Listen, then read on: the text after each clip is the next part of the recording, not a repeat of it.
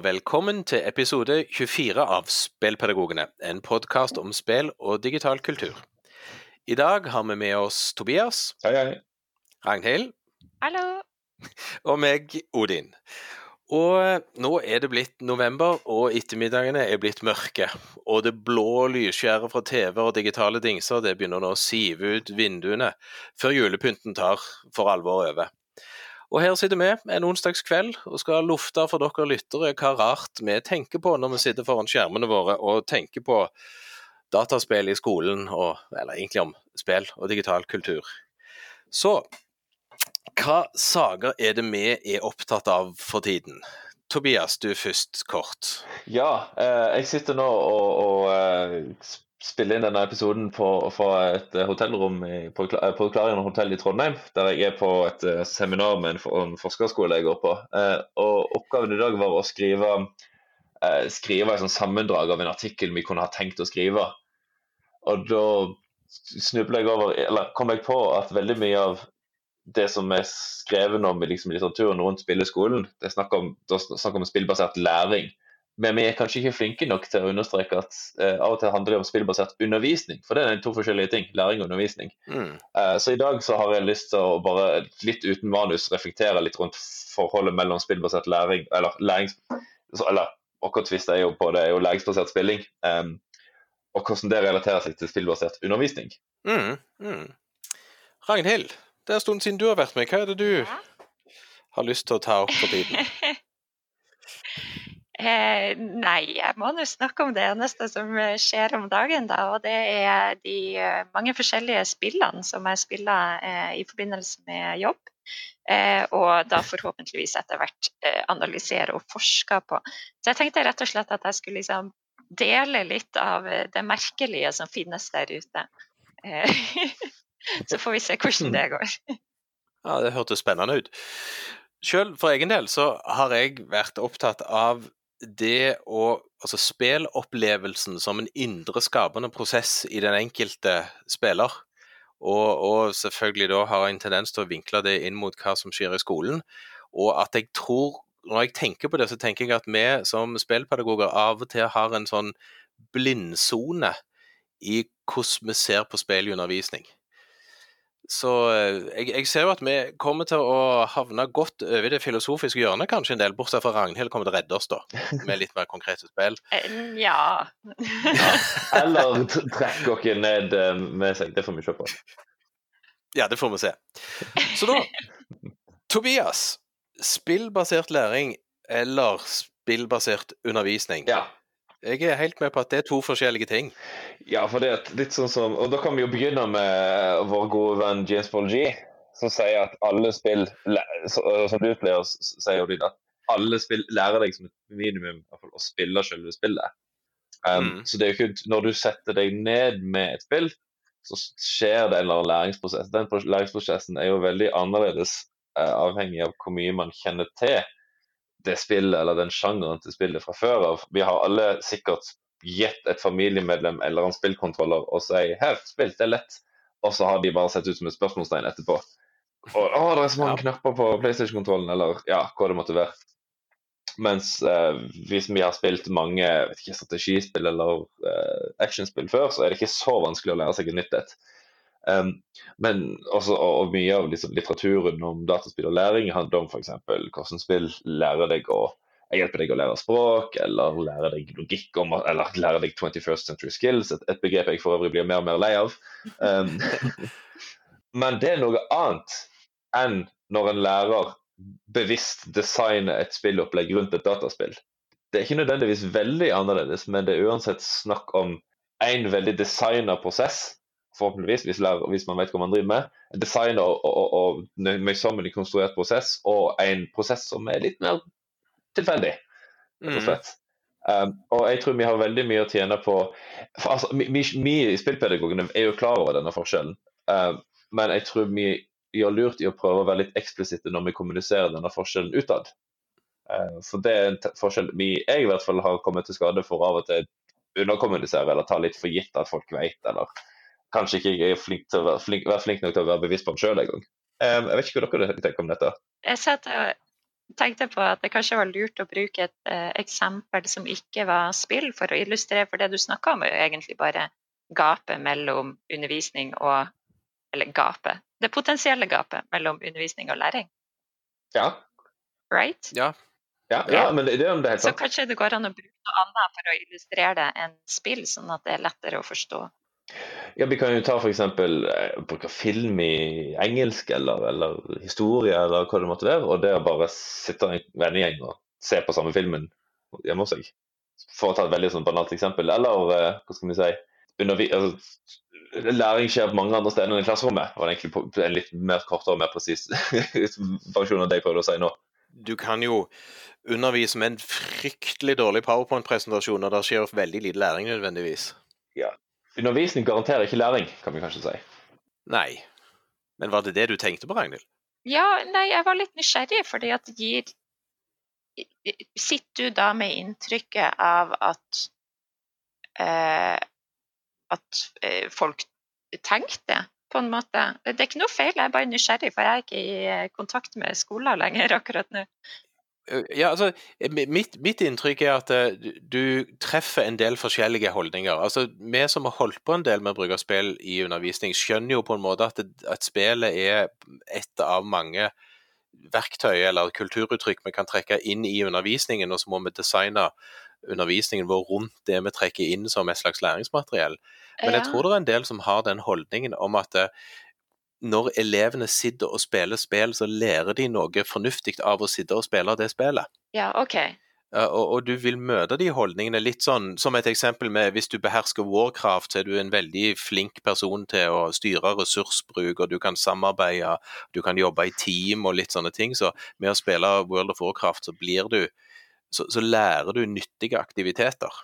Men kanskje vi da kan si at eh, Altså, jeg er helt on board, eh, det gir mening. Eh, men kanskje vi da kan si at ved å jobbe systematisk med spillpedagogikk, så vil du også jobbe med din evne til å skille mellom eh, det, altså intensjon og, og outcome, på en måte. Ja, Gir det mening? Ja. Det er sånn at det er, et, det er en metode i seg sjøl for å bli bevisst på den forskjellen. Jeg leste en artikkel for en tid tilbake fra ei som heter Caroline Pelletier, eller hvordan man uttaler navnet hennes, um, og som heter 'Video Games and Learning What's the Connection?' Og Hun skriver om um, hun har tatt et sånn oppgjør med deler av diskursen rundt dataspill og læring. og Hennes inntrykk var at det, nei, den, Nå er denne noen år gammel, men den er likevel, så, vel, likevel interessant i dag. Um, hun skriver at hennes inntrykk er at um, moro Hun tar utgangspunkt i, i um, eh, Brian Sutton Smith i 'Ambiguity of Play' tar hun utgangspunkt i.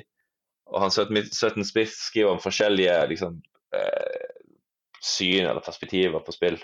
Eller, eller lek, ikke spill, men lek. Han skriver at du kan snakke om blant annet du kan snakke om eh, play as progress og play as frivolity. Altså lek som liksom du, noe som du øver deg på et eller annet du skal gjøre i det voksne livet, eller lek som noe som egentlig er litt bortkasta. Og hennes inntrykk er at mye av deler av denne diskursen rundt i spesielt disse læringsspillene, at jo, jo, de kan godt være gøye, men de må ikke være så gøye at de distraherer fra liksom, den gode kjernen av læring. Og Det syns jeg var Jeg, jeg koste meg veldig med denne, denne artikkelen her. For det, det er jo en, nesten en opinion piece mer enn en artikkel, men den er kjempegod. Vi burde egentlig lagt den ut som en link til den her. Den er veldig tilgjengelig. Du må ikke være, eh, du må ikke være akademiker for å få noe ut av den. Det, det som jeg tenker i forhold til det, altså, tror vi at lytterne skjønner umiddelbart hva som ligger i forskjellen når vi har nå sagt spillbasert læring eller spillbasert undervisning? Ja, det var det jeg òg lurte på, men jeg klarte ikke å frasere det.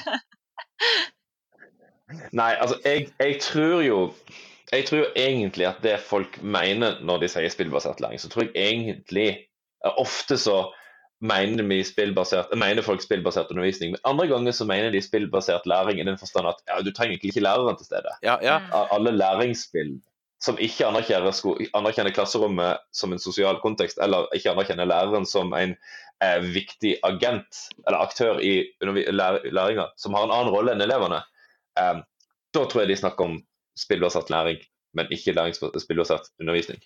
Ja, for, for, det er jo der vi har lagd denne lille ordspillet vårt. Istedenfor å si at eh, vi driver med spillbasert læring, så driver vi med læringsbasert spilling. Og, mm. og jo egentlig da å si at vi driver med spillbasert undervisning i den forstand. At vi har bygd undervisningen på spill istedenfor å bygge den på en novelle eller et eller annet sånt. Mm. Uh, men det som jeg tenker av og til i den spillbasert læring, er jo på en måte at du, lag, du legger opp læringsløp som har spillelementer, altså gamification, som, som banneordet her, da. ja. jo, jo, men altså, det ble jo litt denne eh, Læringsmetoden inneholder spillbaserte teknikker, og da er det jo for så vidt inne i læringsspillverden, iallfall i, i min del. Og, og, og, jeg er jo enig i det at jeg tror de fleste, når de sier spillbasert læring, så mener de nok stort sett spillbasert undervisning. Og, og jeg klarer jo alltid å irritere meg litt over spesielt også engelske uh, artikler som skriver jo game-based learning. Uh, mm. Når de da etterpå beskriver spillbasert undervisning. Mm. Uh, og, og, så, og, så, sitter det på en måte der at jeg vet at media kan oppfatte det en del galt. Jeg har lest veldig mye rart i avisartikler, og når jeg har snakket med de folka som ble intervjua etterpå, så er de like frustrert fordi at det var liksom ikke det de sa mm. i forhold til hva avisen valgte å skrive. For avisen forsto det som spillbasert læring, I, i, det vi mener med spillbasert læring. Mens ja. de prøvde å forklare spillbasert undervisning. Jeg vet at de Revheim-folka i Stavanger har vært frustrert på det til tider. Mm. Men det likhetstegnet der er jo kjempeskummelt. Ja, ja, det er det, og jeg, og jeg, tror ikke alltid at alle skjønner det. Så jeg har jo sett at hver gang iallfall jeg har vært ute nå det siste par året, så er jo det å forklare denne lærerrollen, at du, læreren må ha begge hendene på, på, på, læringsrattet i forhold til det som skjer av aktiviteter i timen når de bruker spill. Mm. Og at det er mye viktigere egentlig enn enn når de bruker andre kulturuttrykk de kjenner bedre enn spill. Mm. Det har vi snakket om litt av og til, vel, for, for, en del av de kulturuttrykkene vi bruker i skole, der er det allerede en kjent ramme for både lærer og elev hvordan dette kulturuttrykket skal brukes, mm. og hvordan, de skal, hvordan, det fungerer i undervisning. Mens med en gang du får spill inn, så er det på en måte et så nytt uttrykk for læreren, selv om eleven kjenner det, men eleven kjenner fra en annen setting enn skole. Ja, og, og, Også, og, og, læreren kjenner det kanskje først og fremst fra skole, men ikke fra fritidsrammen eller rollene. Ja, ja for eksempel. Og, da har du, og da har du en liten sånn kilde til kollisjon igjen i forhold til eh, hvordan de ulike aktørene opptrer i forhold til dette nye kulturuttrykket. Men når det er sagt, så er så tror jeg det er en viktig distinksjon å gjøre også i, når det gjelder andre ting òg. Altså, spillet er kanskje særskilt vanskelig akkurat her, men eh, det skjer fortsatt med filmer òg, at man setter på film og forventer at læring skjer. Mm. Eh. Det, det, jeg, det, har du helt rett i, akkurat det at, at um, det, det, er ikke bare spill dette gjelder. Um, og det jeg ofte har lagt merke til, at, at mange, kanskje til og med inkludert dere sjøl, er mer litt mer kritiske til Ikke, altså, ikke kritiske i form av negativ, men, men ser litt nøyere på liksom, læringsopplegg rundt spill enn det vi kanskje gjør med annen undervisning. Eh, så, spill i skolen liksom mm. eh, børste støv av liksom, ting vi gjerne tok, tok for gitt, har tatt for gitt andre steder.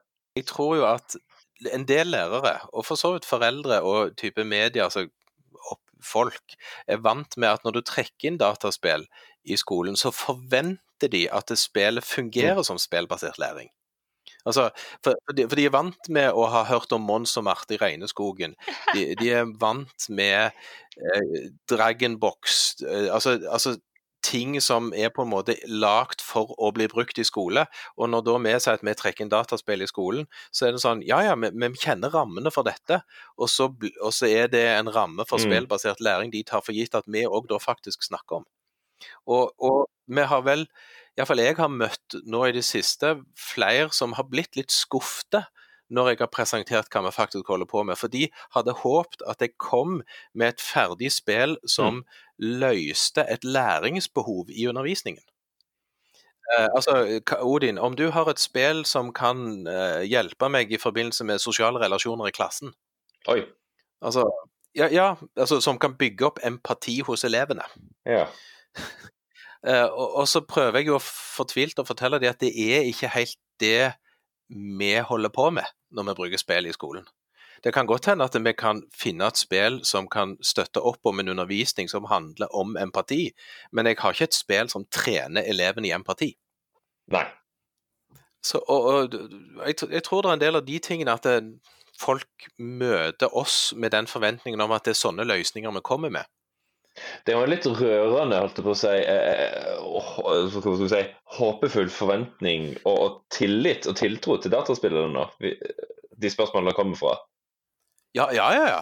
Men, men, det er jo der skuffelsen kommer, når de da plutselig oppdager at de må gjøre jobben likevel. Ja, det skjønner jeg godt. ja.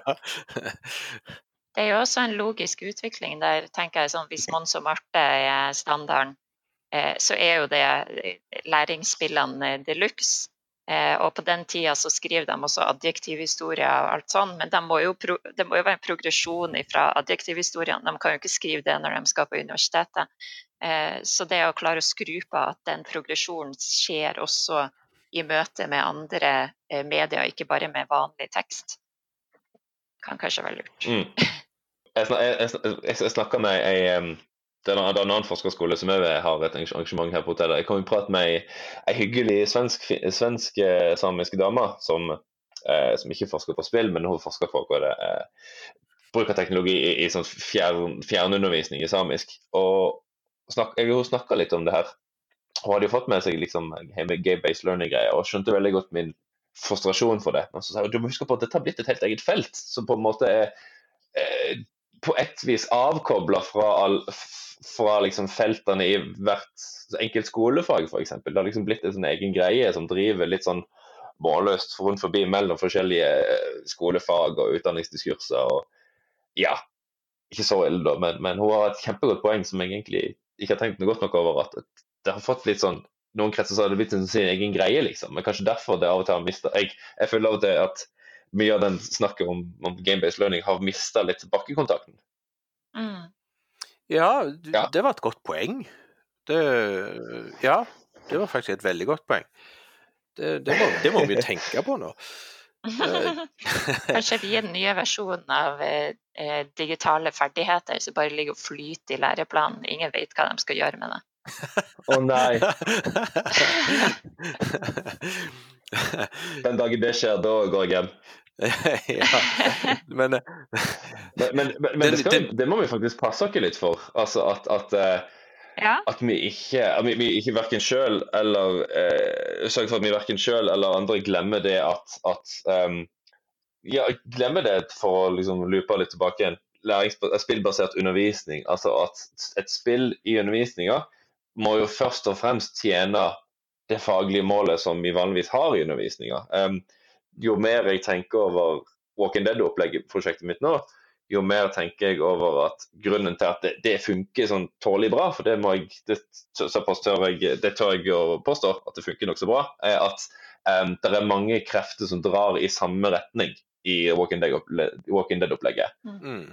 Um, fordi at spillet overlapper mye med, med faget sitt innhold, og det kan ta, det, spillet kan gis en arbeidsoppgave i undervisningsopplegget som spillet passer ganske godt til. Men mm. det er jo fordi at faget, altså kompetansemålene til og med, er av en så, og, og, og, undervisningsdesignet, den dialogiske undervisning, er av en sånn måte at det passer veldig godt. Og Det er ingen det er det ingen garanti for når du slenger et spill inn i klasserommet. Det er masse som kan gå galt. Ja.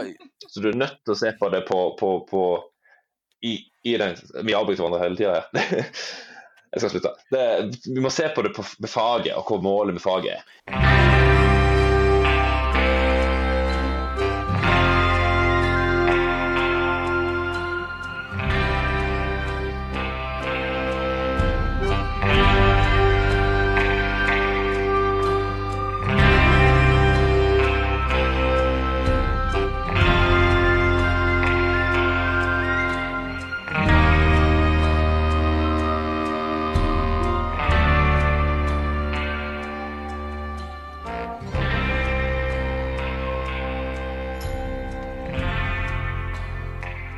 Men, men, det som jeg tenker det som vi snakker om nå, det ligner litt om det jeg har tenkt å si noe om. Så jeg, jeg bare hopper inn med, med, med, det jeg nevnte.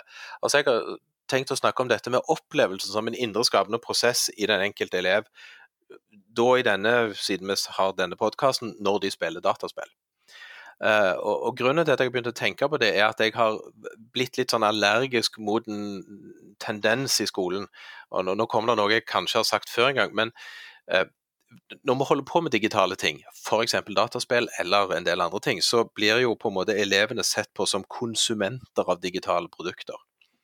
Altså, og, og, og, da når eleven er en konsument, så er han i praksis forstått sånn han er en passiv mottaker av digitalt røl. Uh, og så blir det på en måte en reaksjon at vi må bruke digitale verktøy i skolen til å skape ting. For det å være en skapende produsent er en mye mer positiv ting enn å være en konsument av digitale ting. Og så har jeg blitt litt sånn Men mye av det vi bruker spill til, er jo at vi har lyst til å skape opplevelser i eleven. Og, og spill er jo ikke alene om det. Film, litteratur, teaterbesøk eller teaterstykker. Alle disse tingene skaper jo opplevelser inni den enkelte elev. Og så er det jo litt vår jobb som lærere å vite at det er en opplevelse der som vi eventuelt kan knytte til å forklare faglige ting, og på en måte som gjør at de forstår dypere og bedre, og kanskje på en annen måte enn hvis de ikke hadde spilt dataspill. Mm. Uh, og, og, og, så egentlig å anse at denne opplevelsen inni den enkelte elev er jo skapt av eleven. Uh, og dermed på en måte en, en, en, skapende prosess inni eleven, og så er det på en måte å, å, å finne ut hvordan vi skal bruke den på en god måte. Og da må vi òg respektere at eleven har hatt en opplevelse og at vi som lærer da ikke overstyrer og sier at nei, det er en feil opplevelse. Uh, jeg har vel for så vidt hatt en sånn, den klassiske at du tar med elever på et teaterstykke og ser et dukkehjem, og så har læreren en veldig klar forklaring etterpå hva eleven skal ha opplevd når de har sett dette teaterstykket. Mm. Selv om eleven kan sitte igjen med veldig store og fine opplevelser, men ikke det som læreren hadde tenkt. Litt det som vi har da, det at som vi gjør av og til, og som blir kanskje blindsonen vår, det er at vi er jo veldig opptatt av å fagliggjøre disse opplevelsene. Uh, og som er ikke galt av oss å gjøre. Men av og til så vil jeg si at opplevelsen at eleven har opplevd noe som er knytta til det faglige innholdet, uten at vi klarer spesifikt å kvantisere det til et faglig mål, det er ikke alltid vi trenger å gjøre det, for opplevelsen i seg selv har verdi. I den forstand at det kan skape ærefrykt, en annerledes forståelse av det som dette egentlig handler om. Uh, og da har jeg tenkt at når vi spillpedagoger, vi som er med i denne podkasten, vi har en tendens til å være humanister av veldig gode grunner. For det er vel det stort sett vi er. Mm. Og, og, vi har av og til glemt realfagene oppi dette, fordi at vi klarer ikke å lage gode fortellinger i realfag til enhver tid, og så er det noen unntak.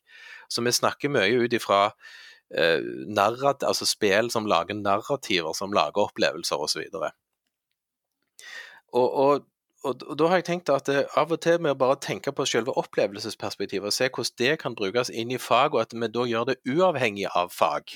Og derfor, Det var derfor den kommentaren til hun du hadde snakket med er på en måte litt interessant. For spillene vil jo fungere uavhengig av fag.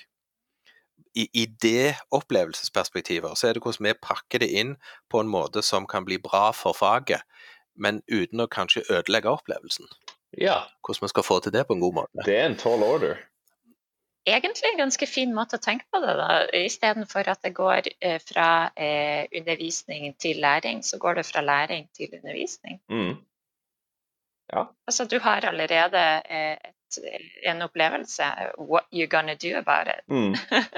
ja, ja, ja. Og, det, og, det, er den jeg har på en måte av og til tenkt at eh, hvis vi er flinkere til det, så er vi flinkere til å kanskje tenke inn i de fagene vi ofte ikke har vært så flinke å snakke om. For, fordi du vil jo ha opplevelser i naturfag og matematikk og, og andre fag som vi ikke nødvendigvis alltid har.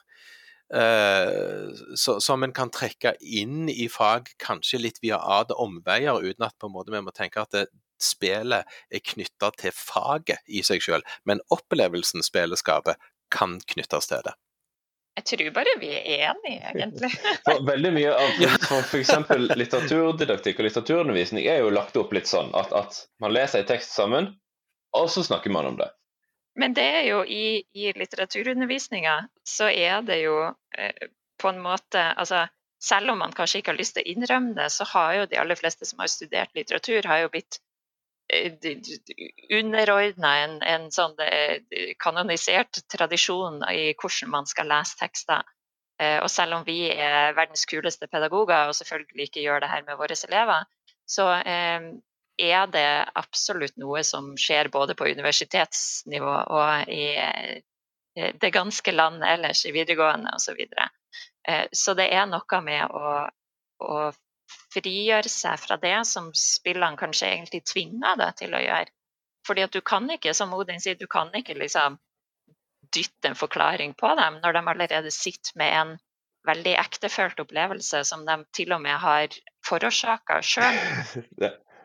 Nei, jeg skulle bare skyte inn uh, forlengelse av det Ragnhild sa, at, at det, dette med, med, dialogisk undervisning er, må være flerstemt, som det heter. Altså, man må slippe til flere stemmer i klasserommet. Eh, det er en som heter Alexander, jeg tror han heter Alexander Sidorkin, som i, har skrevet avhandling om dette med, med dialog. Han sier at dia, sannheten er flerstemt. sier han. Altså Litt sånn som not, tone, note i en akkord.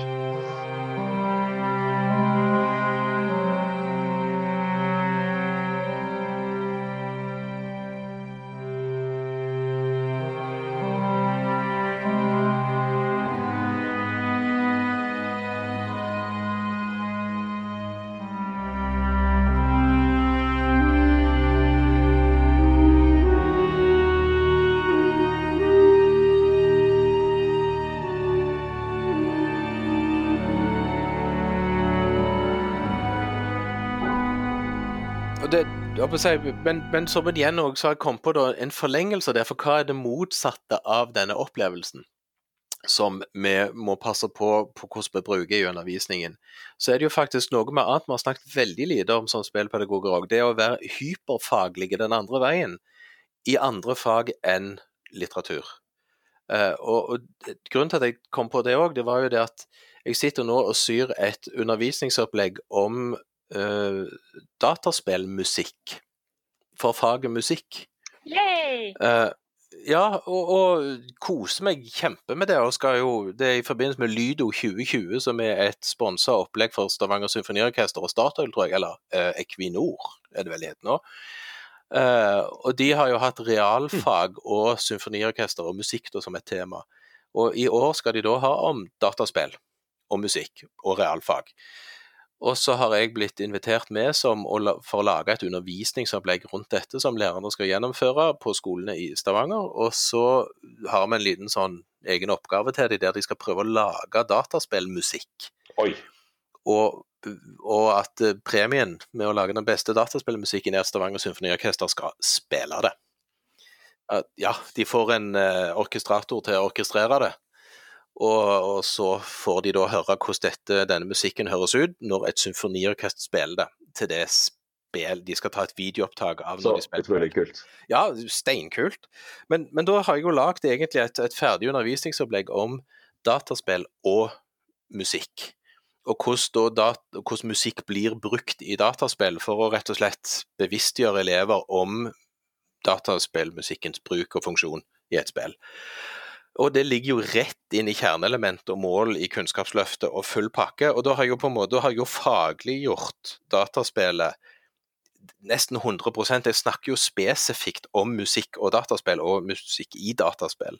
Og så tenker jeg at det har vi jo òg hatt relativt lite av. Hvordan, vi har jo ikke snakket om visuelle uttrykk og kunst og håndverk, eller eh, grafisk design og dataspill. Vi har ikke tenkt på noe særlig undervisningsopplegg knytta direkte til faget f.eks. kunst og håndverk og dataspill. Hvordan det uttrykket i dataspill kan bearbeides i fag som kunst og håndverk. og Det er fordi vi er ikke kunst- og håndverklærere sånn stort sett. Og akkurat musikkbiten eier jo jeg, for jeg er utdanna musiker og har, har det som fag. Så, så, så, jeg ser at Der har vi òg hatt en liten sånn blindsone med å på en måte bli spesifikt faglige, bortsett fra i faget norsk. Eh, og til en viss grad òg type religion, KRLE og sånne ting, for der har vi vår fagbakgrunn og kan være veldig faglige. Mm. Så, så, det er til dere lyttere der ute som har for så vidt fag som kunst og håndverk og musikk og mat og helse, for den saks skyld. Det å, å få tilbakemeldinger om liksom rene undervisningsopplegg, faglige sådan, der dataspill eller hvordan dat hvordan faget blir brukt i dataspill på en nokså reindyrka måte, hadde jo vært spennende å høre om. Mm.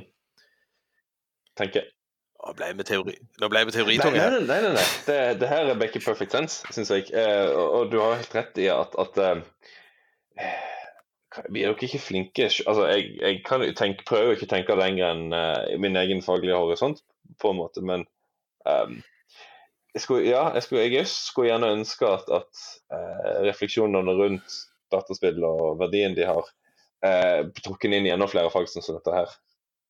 Jeg leste en nydelig artikkel for en stund siden om eh, musikken i Final Fantasy 9, og hvordan den hele tida hovedtemaet er der. Eh, og så får du sånn snippets av et sånt lite bitema som du ikke skjønner hva er før helt, helt til slutten, da det viser seg at det er selvfølgelig hovedpersonene som kommer sammen osv. osv. Mm. Eh, men for spesielt interesserte så vil man jo legge merke til sånne eh, ting. Eh, men det som er så eh, spesielt med, med spillmusikken, er jo at den er der hele tida. Altså, hvordan, lager du, hvordan designer du noe som skal loopes? Ikke sant? Det er det ene. Det andre er jo hvordan lager du En ting er at du lager musikk som loopes, men du lager jo òg nå musikk som skal gli over i hverandre på gitte steder som ikke nødvendigvis er bestemt på forhånd. Og, og, og, der er det jo en utfordring. Bare sånn som Red, Dead, Red Dead Redemption 2 har jo eh, noen fryktelig spennende eh, ting på YouTube i forhold til hvordan de har lagd musikken. De er enige om at all musikk skal ha tempo 130, den skal gå i A-moll. Nettopp for at de skal kunne fase inn og ut ulike temaer relativt fritt, alt etter hva som skjer. Sånn at Hvis du f.eks. er i en sekvens, og så hopper du opp på en hest, og idet du hopper opp på hesten, så kommer bassen inn. Eh, Men den, men den feider de egentlig ikke inn før du gjør akkurat bestemte handlinger osv. Begynner du å slåss, så kommer det pauker inn, i tillegg til bassen hvis du er på hest. Hvis du hopper av hesten, så er ikke bassen der lenger, osv. osv. Og alt dette er jo programmert inn i spillet i forhold til at det skal reagere på de tingene du gjør. Eh, Et annet eksempel som er jo godt dokumentert, er jo 'Everybody's Gone to the Rapture'. Som der selv om du spiller spillet to ganger, så vil du aldri høre den samme musikken. For musikken vil bli satt sammen på nye måter til deg hele tiden, som ikke er preprogrammert, for det er faktisk tilfeldigheter ute og går. Sånn at du vil ha ulike opplevelser av spillet, alt etter hva musikk som blir presentert for deg. Så kult. Jeg husker um, eh, Spore, hvis dere husker det, way back. Ja. Uh, det hadde samarbeid med Brian Eno, heter han vel. All, all uh, musikken i spillet er generert, altså på sånn prosedyrisk generert. Ja, altså den, den responderte på liksom når du, det du gjør i spillet, du trigger sånne små ja, blaff og noter og litt sånn. Eh, Doom 2016 er jo en kjempegodt eksempel på design, musikkdesign og knytta til action og handlingene i spillet og sånn. Mm. Jeg har jo Men da blir jeg jo veldig gammel, plutselig. Uh, LucasArts og de gode gamle click and point-eventyrene de hadde, type Monkey Island, der brukte de jo midi som utgangspunkt for musikken. Og, og midi er jo, for dere som er veldig, veldig ikke gamle nok eh, som Er det meg, Tobias? Ikke stemme Ka- kan være. Eh, er jo i utgangspunktet at istedenfor at du spiller lyd gjennom samplinger og ferdige opptak, så er jo egentlig note bare en, en gitt verdi, og så er det egentlig et innebygd musikkinstrument som spiller aktuelle noter alt etter hva slags midi-verdi som blir sendt til denne musikkboksen, egentlig, som da er programmert inn. Og Det betyr jo da i utgangspunktet at musikk kan programmeres på en mye mer eh, analytisk måte. og eh, da Monkey Island hadde jo da noen sånne glitrende innslag med at eh, de hele tiden visste hva som skjedde, og så hadde de programmert en rutine som gjorde at musikken kunne modulere fra én toneart til en annen toneart via en tredje toneart, som da var ikke programmert inn på forhånd, men som ble generert der og da, sånn at du alltid hadde en jevn musikalsk strøm som alltid passte i forhold til hva scene du gikk fra, fra A til B osv. Uh, uten at du da trengte å sample 56 forskjellige opptak med symfoniorkester. ja. Så glitrende å høre på, men, men det er jo ingen som bruker midi lenger, så, så det fins jo ikke som, som teknologi. Wah, wah. Ja.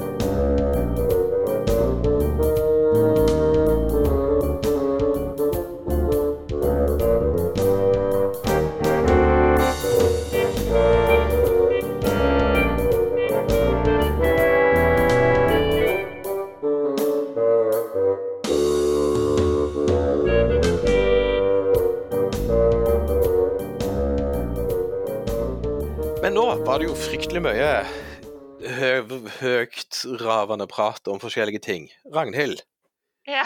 du spiller spill på jobb. Det er så smooth overgang. Det, det er sånn, Nice ok, eh, overgang. Nå er vi ferdig med å tenke. Så Ja. Ragnhild, do you want to talk? Um, Ja. ja. Mm. Uh, jeg har, for det første så har jeg lyst til å si, bare som en liten avslutning på det forrige, egentlig, at uh, jeg tror at det at jeg ikke sier så mye om andre fag, eh, ikke bare har med min faglige bakgrunn å gjøre, men også med at jeg vet at spill funker i mine fag.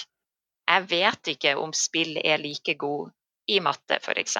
Altså, jeg vet at det finnes spill man kan bruke i matte, men jeg, jeg aner ikke om jeg kan stå inne for at spill som eh, artefakt eller metode eller hva det nå er, eh, vil fungere så bra som jeg vet at det gjør i mine fag. Eh, så det er en Jeg har veldig lyst til å høre på eh, gode eksempler fra lytterne på hvordan det brukes, og om det faktisk er spill like gunstig i alle fag. Det hadde vært veldig interessant å høre. Men jeg skulle fortelle om, og nå skal jeg gå over sånn at dere ikke rekker å kommentere på det. Eh, Jeg skulle være det fine innslaget her og fortelle om litt forskjellige spill. Um, fordi på jobb så spiller jeg. Det er kanskje intet nytt, men eh, for de som ikke har eh, hørt det før og lurer på hvem denne gale nordlendingen er, så holder jeg på med en doktorgrad eh, innenfor maskinsyn i spill. Og det er eh, veldig spesifikke teknologier, som f.eks. Eh, fingeravtrykk, eh, lesing, ansiktsgjenkjenning.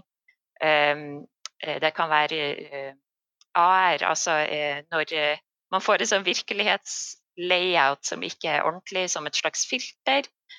Og så prøver jeg å se på spill der disse forskjellige teknologiene, som vi da kaller maskinsyn, er. Eh, så jeg ender opp med å spille ganske mye eh, kult og en del veldig rart. Eh, I dag begynte jeg på Death Stranding, eh, så det er ganske kult. For de, for de som ikke er inne i det, så er det bare å google det og se hvor mye spillverdenen krangler om Death Stranding akkurat nå. Eh, men eh, det som jeg tenkte jeg kunne nevne, som kanskje kan være litt interessant hvis man har hørt en del på podkasten og er litt inne i de type spillene som vi ofte snakker om her, eh, er eh, for det første et spill som jeg har nevnt en god del ganger før, tror jeg, som heter Republik. Det skrives på fransk. Eh, ikke be meg om å stave det. Og det setter deg som spiller i overvåkningskamera, der du skal prøve å hjelpe ei jente som heter Hope, ut fra en totalitær stat. Og det spillet finnes på mobil, og da antar jeg det også finnes på nettbrett. Eh, på PC gjør det i hvert fall. Eh, og du kontrollerer overvåkningskameraene for å hjelpe Hope ut fra denne eh, staten. Eh, og det er jeg som egentlig ikke liker mobilspill i det hele tatt, syns at det er et ganske stilig spill. Og jeg ser for meg at det eh, antageligvis går an å bruke det eh, i flere former. Når, når, jeg, når jeg tenker over det, når du, du sier nå, Sikkerhetskamera er jo en kjempe, veldig interessant trope i mange dataspill. Jeg kan tenke at det er ekstra interessant for prosjektet ditt. Ja, jeg har logga, logga masse spill, eh, og det har noe med at eh, opprinnelig, altså hvis du går tilbake til liksom spillet fra 80-tallet og sånn, så jeg kan referere til Odin selv om jeg ikke var født da. Så, så eh, var det en veldig enkel måte eh, å kontrollere eh, spillet, altså hvor mye kraft de må ha i spillet. Eh, fordi at hvis alt sammen sees fra én skjerm, så eh, kan de bruke f.eks. sånne eh, ferdig eh, filmklipp eh, som da krever mindre prosessor enn enn hvis du skal eh, springe rundt de, som du gjør i de store spillene nå. Eh, så helt ifra starten av så var det mest sannsynlig bare praktisk. Eh, men nå har det blitt en, en estetikk og en viktig del av det fordi at vi ser at det er mer overvåkning i samfunnet vårt eh, sånn eh, generelt. Eh, så det er veldig eh, veldig mange eksempler på eh, overvåkningskamera i spill. Det er bare å ta kontakt hvis man har lyst på en eh, monolog. Eh, en annen enn jeg tenkte, det er en annen take, det er for så vidt også overvåkningskamera, er et spill som heter Beholder. Eh, Ja. Som nå også har kommet ja. med en toer, som er Ja. eh, men der ser du ikke gjennom kamera på samme måte som du gjør i Republikk. Eh, men du er eh, fortsatt eh, satt i rollen som en som overvåker, og må takle en god del moralske dilemma med det å være ansvarlig for et hus. Hva det heter sånn landlord på norsk? Ja, det er vel huseier. Landlord. Huseier, ja. Du må i hvert fall forholde deg til ganske mye Landlord. Ja. fordi at det er selvfølgelig en eh, relativt totalitær stat der òg, som det ofte er når det er snakk om overvåkningskamera i spill. Eh, men så blir du jo kjent med de forskjellige folkene som eh, er leietakere hos deg. Eh, Så den, den dynamikken derimellom er veldig interessant å se på. Ingen av de her spillene er veldig teknisk krevende, så det går an å Terskelen for å få dem til er relativt lav. Det handler mer om, om eh, opplevelsen. Tilbake til det. Mm. Eh, og så tenkte jeg Nei, for det siste jeg hadde tenkt til å si, det var eh, det som eh, vi kanskje nominerte som månedens spill. For det er noe som går an å eh, kjøre rett inn i klasserommet uten å måtte tenke, fordi det er et nettbasert spill eh, som heter Unmanned, eh, og eh, som vi sikkert linker til en eller annen plass i forbindelse med dette. Eh, som handler om Altså, du styrer en eh, kar som til eh, daglig jobber som dronepilot, og på ettermiddagen eller utenom jobb så har han eh, en sønn som er veldig glad i å spille dataspill, blant annet. Eh, og det spillet er såpass kort at jeg har ikke lyst til å si så veldig mye om det, eh, men det gir veldig interessante eh, problemstillinger å diskutere i det moralske sjiktet om eh, f.eks. Ja, generelt vold, men kanskje spesifikt spill og dronekrig. Eh, så det er en eh, liten perle som absolutt bør sjekkes ut. Nettleserbaserte spill mm, som i tillegg eh, i fall er gode til, i fall som høres gode ut til å starte diskusjoner, er jo kanskje det beste som finnes. Iallfall i denne sammenhengen. Det er Guds gave til spillpedagogen. Mm. Jeg ser for meg at, at at, det er Så vidt jeg kan huske av dataspill som har med ja, overvåkningskamera å gjøre, enten så er det jeg husker, for enten så er det noe du kan skyte, altså ødelegge ved bare ja, skyte det med pistolen din, eller sånn, eller så er det et eller annet verktøy jeg kan bruke, bruke mot the bad guys uten å nødvendigvis eh, føle ha kvaler angående det. Har du, du Når du som har spilt flere spill om det her enn de fleste nå, så hadde du noen gang, gang havnet om noe som på en måte prøver å eh, stille spilleren til veggs med mot det her. Ja ja, du bruker overvåkningsteknologi, du. Mm, hm. Er du sikker på Er det så greit? Ja, eh, det er det jo for så vidt. Egentlig de aller fleste nyere spillene som bruker det, har en eller annen kommentar på det. Eh, Men det de gjør, ser det ut som, da, eh, er at de putter deg mer i en sånn aktivistrolle. Mm. Så det er ikke nødvendigvis at teknologien i seg sjøl er så fæl, men måten den blir brukt på er fæl, så du må bruke den mot dem som bruker den på denne måten. Eh, og fortsatt så er det eh, kanskje litt glemsel om at eh, kameraene i seg sjøl eh, selvfølgelig spiller en viktig rolle i det her. Mm. Men det er jo noe som vi kan overføre til undervisning også. Eh, fordi at vi har en, kanskje en tendens til å glemme eh, spillet. Eh, altså vi, vi tenker på hva som er inne i spillet, eh, men at det å faktisk sitte og spille også er en, en viktig del av opplevelsen. Mm. Eh, PC-en som formidler det til deg, eller mobilen som formidler det til deg. Hvordan former det eh, opplevelsen av dette? Ja, absolutt. Men tenker du på selv, hardwaren og, og, og skjerm og skjermoppløsning og alt sånne ting, liksom? Ja, altså det, at det er eh, det er jo, Nå ser jo jeg veldig mye på manipulasjon, så jeg blir litt farga av det. Men at det, eh, det er jo kontrollert, det synet du får inn Ja. i spillet. Ja, ja. Eh, så bevisstgjøring eh, hos elever, hva er det du faktisk får servert her? Ikke bare i de tilfellene der spillet har lyst til at du skal se det, men også der, kanskje spesielt der spillet ikke eh, trekker det fram som noe du skal tenke over, så er det spesielt viktig å tenke over det. Nå ble jeg fryktelig nysgjerrig. Jeg, jeg hadde noen, har du noen eksempler i eh, tankene? Eh, vanskelig. Um, Jeg tror jeg skjønner hva du mener, Emilie. Men Ja. Ja.